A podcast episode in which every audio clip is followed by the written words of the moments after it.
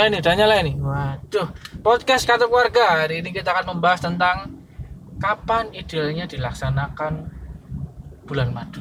Nah, ini proses bulan madu ini kebudayaan dari barat sebenarnya. Emang dari barat atau dari Indonesia? Gak ngerti sih. Jadi Dari bulan madu ya? itu kalau yang belum pernah menikah, yo gambarannya adalah proses berdua-duaan secara resmi. Loh kalau belum menikah ya nggak resmi gimana sih? Nah iya yang secara resmi bulan bulan madu. Makanya kan ini pertanyaannya setelah pesta pernikahan usai, misal pestanya hari Minggu, harus Senin langsung berangkat bulan madu atau nunggu kapan gitu aja. Ini yang menurutmu paling enak itu pas kapan? Yeah. Dihitungnya dari pesta pernikahan atau dari akad lah.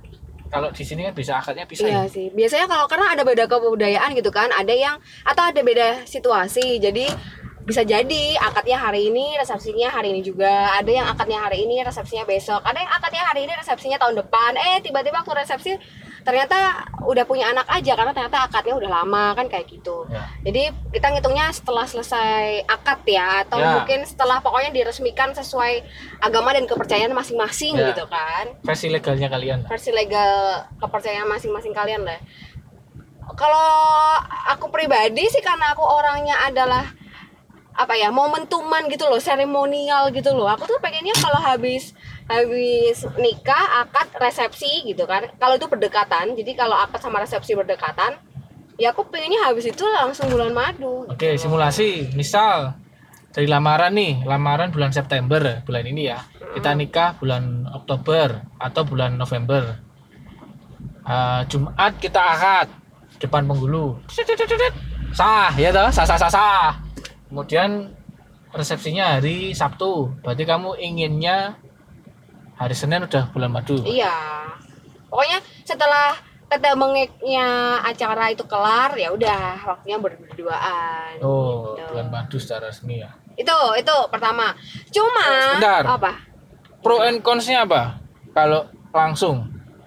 pronya masih ada euforia sih jadi ratu dan raja sehari kan aku bilang kalau aku tuh orangnya seremonial banget Oh, Nah, berarti istilahnya mantan anyar itu dikebut gitu ya? iya jadi biar karena biasanya karena menurut aku bahwa awal-awal pernikahan itu relatif lebih sedikit lah permasalahan yang terjadi gitu loh jadi masih bawaan-bawaan apa Oh, belum hawa-hawa pas ketemu permasalahan keluarga ya? ya masih hawa-hawa pacaran masih ini jadi permasalahannya masih relatif minim terus ya mungkin itu adalah bagian dari reward untuk ka- kita berdua sebagai pasangan setelah sebelumnya kan riwah ngurusin masalah pernikahan jadi gitu jadi karena pengen membahagiakan terus belum banyak masalah ya udah deh mending happy happyan dulu Itu pro-nya. Ada Pro-nya. lagi? terus kontranya adalah Langsung kontra. Langsung kontra. pro-nya Pro-nya paling ada. itu aja sih ya. Karena momentum, momentum sama lagi hangat-hangat dan minim masalah. Konsnya sekarang. kontranya lebih ke kayak ini loh ya kalau misalnya pas saat itu memang kondisi keuangannya lagi bagus Oh, duit duit lagi. jadi ke duit karena ya. gini ternyata ada satu masalah yang sering terjadi setelah pernikahan itu resepsi pernikahan itu diselenggarakan yaitu biasanya masalah keuangan ya apalagi ada di Indonesia tahu sendiri kan Mahal. mahal gitu Undangannya loh. banyak. bener ya Dan kalau memang ada dari beberapa kasus pengantin sendiri harus mengeluarkan uang. Iya iya, ya, ya sebenarnya betul gitu. Iya betul gitu ya. Yang betul gitu lah. Yang nikah sopo, sing suruh bayari sopo. Karena kan ada beberapa kasus juga yang yang membiayai orang tua ya Hmm. dengan dengan permasalahan ya itulah sumbang-sumbang dan kawan-kawan.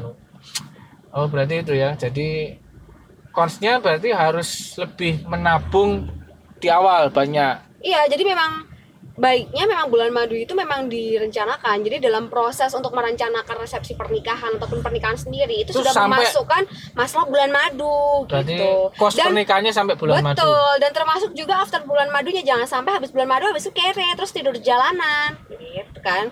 Jadi bisa jadi Ya enggak lah tidur jalan. ya atau terlalu terserah, vulgar ya. terserah dia habis itu masih Kalau banyak utang iya mungkin. Nah, itu kan banyak utang masih bisa hidup mewah gitu ya. Kasihan.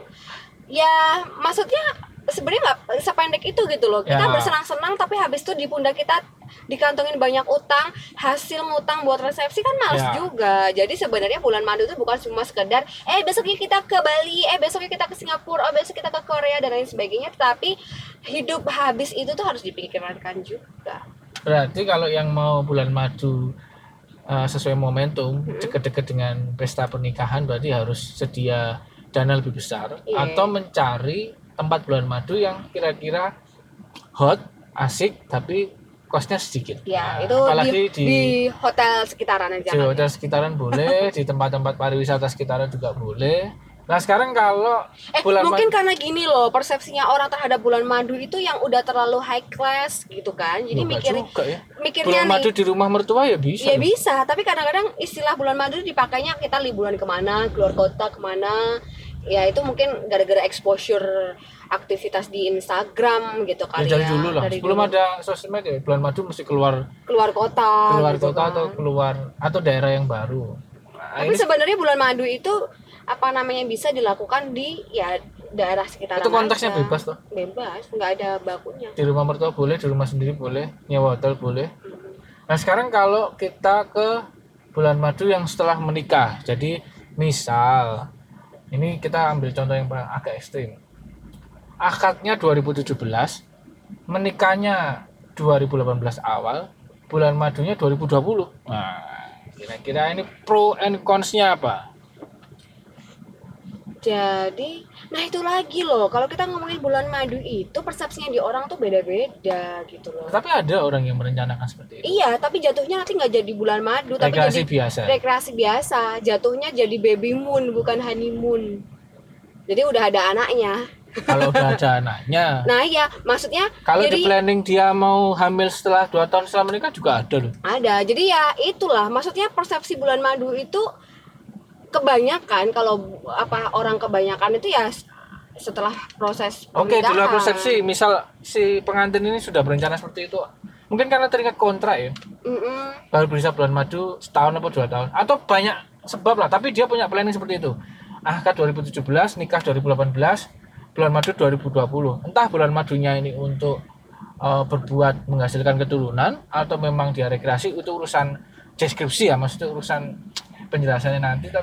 Tapi, intinya dia mau merencanakan bulan madu setelah dua tahun menikah. Nah itu pro dan cons-nya apa? Ya nggak apa-apa sih. Ya nggak apa-apa, tapi pro dan ini loh. Keuntungannya apa? Kerugiannya apa gitu aja. Menurutmu bukan menurutku. Untungnya mungkin dia udah bisa saving money-nya lebih banyak. Jadi, Berarti jadi pilihan untuk destinasi bulan madunya mungkin lebih variatif. berarti Bisa. pilihan karena dia sudah nabung dua tahun terus dia bisa bulan madu yang benar-benar sesuai impian ya. Karena yang bulan madu mepet kadang-kadang nggak sesuai impian juga. Bener, kayak aku sih, aku dulu tuh pengennya ya bulan madu ke luar negeri gitu kan Tapi jatuhnya ke Malang Ya, tapi ada ada juga ya. ya, itu ya. berarti secara menabung lebih lebih lama kemudian kalau aku sih mikir lebih berkah juga ya waduh karena kita niatkan untuk dalam konteks keluarga itu kan biasanya rezeki lebih cepat daripada saat kita Masih single gitu masih ya? single. Walaupun itu juga tidak berjalan di banyak kasus pernikahan. Ada juga yang setelah menikah tambah ambruk ekonominya juga banyak. Jadi menurutku kalau bisa menabung lebih banyak kemudian ah, bulan madunya memang ditujukan untuk tujuan-tujuan tertentu entah itu rekreasi atau membangun keturunan keuntungannya dia bisa lebih banyak pilihan disertai dengan banyak tabungan juga. Consnya ini menurutku lo ya sebelum kamu menjawab. Biasanya kalau bulan madu setelah kita menikah itu kan sudah punya rutinitas sendiri-sendiri. Atau pekerjaan si suami atau pekerjaan si istri sudah mulai mapan. Nah bulan madunya malah kepikiran itu. Betul, betul, bisa, bisa. Karena pada saat kecuali kalau prepare-nya bagus banget. Jadi kita sudah izin sudah cuti untuk bulan madu. Loh bulan madunya di taruh belakang kenapa mas? Kata di taruh belakang kenapa mbak? Nah, karena kita pengen kerja dulu. Karena resepsi kita mahal jadi kita harus untuk biaya sana sini. Atau kita mau investasi bikin rumah dulu sebelum punya anak ya boleh-boleh aja gitu. jadi kalau sudah well prepared kayak gitu ya berarti ya sempurna banget sih.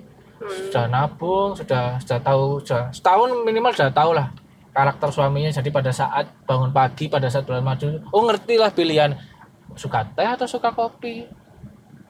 Hmm, posisi tidur juga enggak kaget-kaget banget. Kalau baru-baru menikah kaget loh Loh, kok gini ya ternyata? Kan banyak kasus yang misal. Bulan madu pertama kan belum pernah tidur bareng. Enggak tahu kalau udah pernah tidur bareng. Pernah belum tidur, bareng pas bulan madu yang deket-deket pernikahan. Lu kok tidurnya gini ya gitu? Ada yang bikin ilfil. Tapi kalau udah kenal lama kan ah dia paling tidurnya gini. Jamnya jam-jamnya seperti ini. Titik-titik spot kehangatan yang ada di sini misalnya kayak gitu. Konsnya eh pro-nya seperti itu. Ya konsnya jadi antara pro dan konsnya nempel juga sih konsnya karena sudah terjalin rutinitas selama setelah pernikahan setahun dua tahun biasanya kita terpikir dengan pekerjaan. Betul betul. Tapi jatuhnya jadi nggak bulan madu lah kalau gitu ya rekreasi rekreasi biasa. kecuali kalau sudah diingatkan dari awal pernikahan. Ya ya enggak ya juga. jangan juga. Jatuhnya nggak jadi bulan madu. Ya udah kita traveling gitu aja sih. Oh gitu. Mm-mm.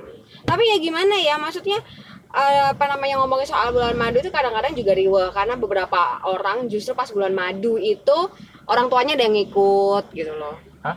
ya kan? Bener itu aktivitasnya dilakukan after apa namanya orang tuanya ikut bulan madu itu iya karpe maksudnya ikut misalnya kita keluar kota atau apa eh Aku orang tuanya gitu. ikut gitu, eh loh itu kayak si apa namanya si adiknya Raffi Ahmad siapa?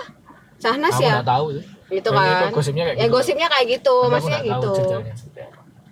Oh ya repot yang juga terblow up kayak gitu gitu tapi loh kan kamarnya nggak jadi satu Iya nggak jadi satu, cuma, cuma nggak santai ya cuma jadi nggak nggak intim juga. atau bahkan berdua. yang bulan madu setelah dua tahun itu malah sudah ngajak personal asistennya ya jadi tiga orang atau empat orang ya gitu benar.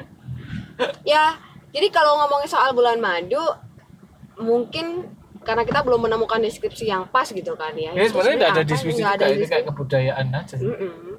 Ya istilahnya atau ada pendengar yang sudah tahu deskripsi bulan madu secara KBBI nanti deh aku coba cari ya di kamus besar bahasa Indonesia. apakah itu frase atau Jadi kayak atau jadi apa namanya? Ya senang-senang setelah nikah gitu deh Oh, bulan iya, madu. iya, oke Jadi kalau senang-senang setelah nikah berarti kita tiap hari bulan madu dong. Ya sebe- seharusnya seperti itu. Menurutku kalau definisi bulan madu, eh menurutku sendiri ya bulan madu itu adalah satu masa antara tempat, kesempatan dan dua orang ini mengenali secara lebih dalam. Dalam konteks sudah berumah tangga. Kan beda mengenali taaruf pas pada waktu pacaran dengan mengenali pada saat sesudah menikah itu kan beda. Menurut pengalaman gue gitu. Kalau kita kenal-kenal pada saat pacaran itu kan kenal-kenal yang ada ada batasan. Selama pacaran. Tapi kalau sudah menikah perkenalannya kan tidak ada batasannya. Walaupun ada konteks-konteks yang nggak boleh dilanggar misalnya jadi lebih beda lah prosesnya. Dan bulan madu itu menurutku istilah itu atau momen itu memang harus dicita-citakan oleh banyak orang. Maksudnya harusnya sih ada fase itu. Meskipun bentuknya tidak seperti orang kebanyakan. Nah, harus lari ke Bali harus lari ke luar negeri. Oke deh.